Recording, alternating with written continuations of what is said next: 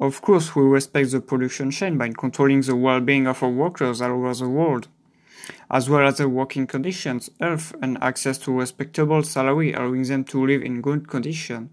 Fair trade aims to create opportunities for underprivileged growers in order to fight the precarious situation. Since organic coffee is produced naturally and manually, production is generally slower than big firm. And with those facts, the organic growers are struggling to enter the market and offer competitive production.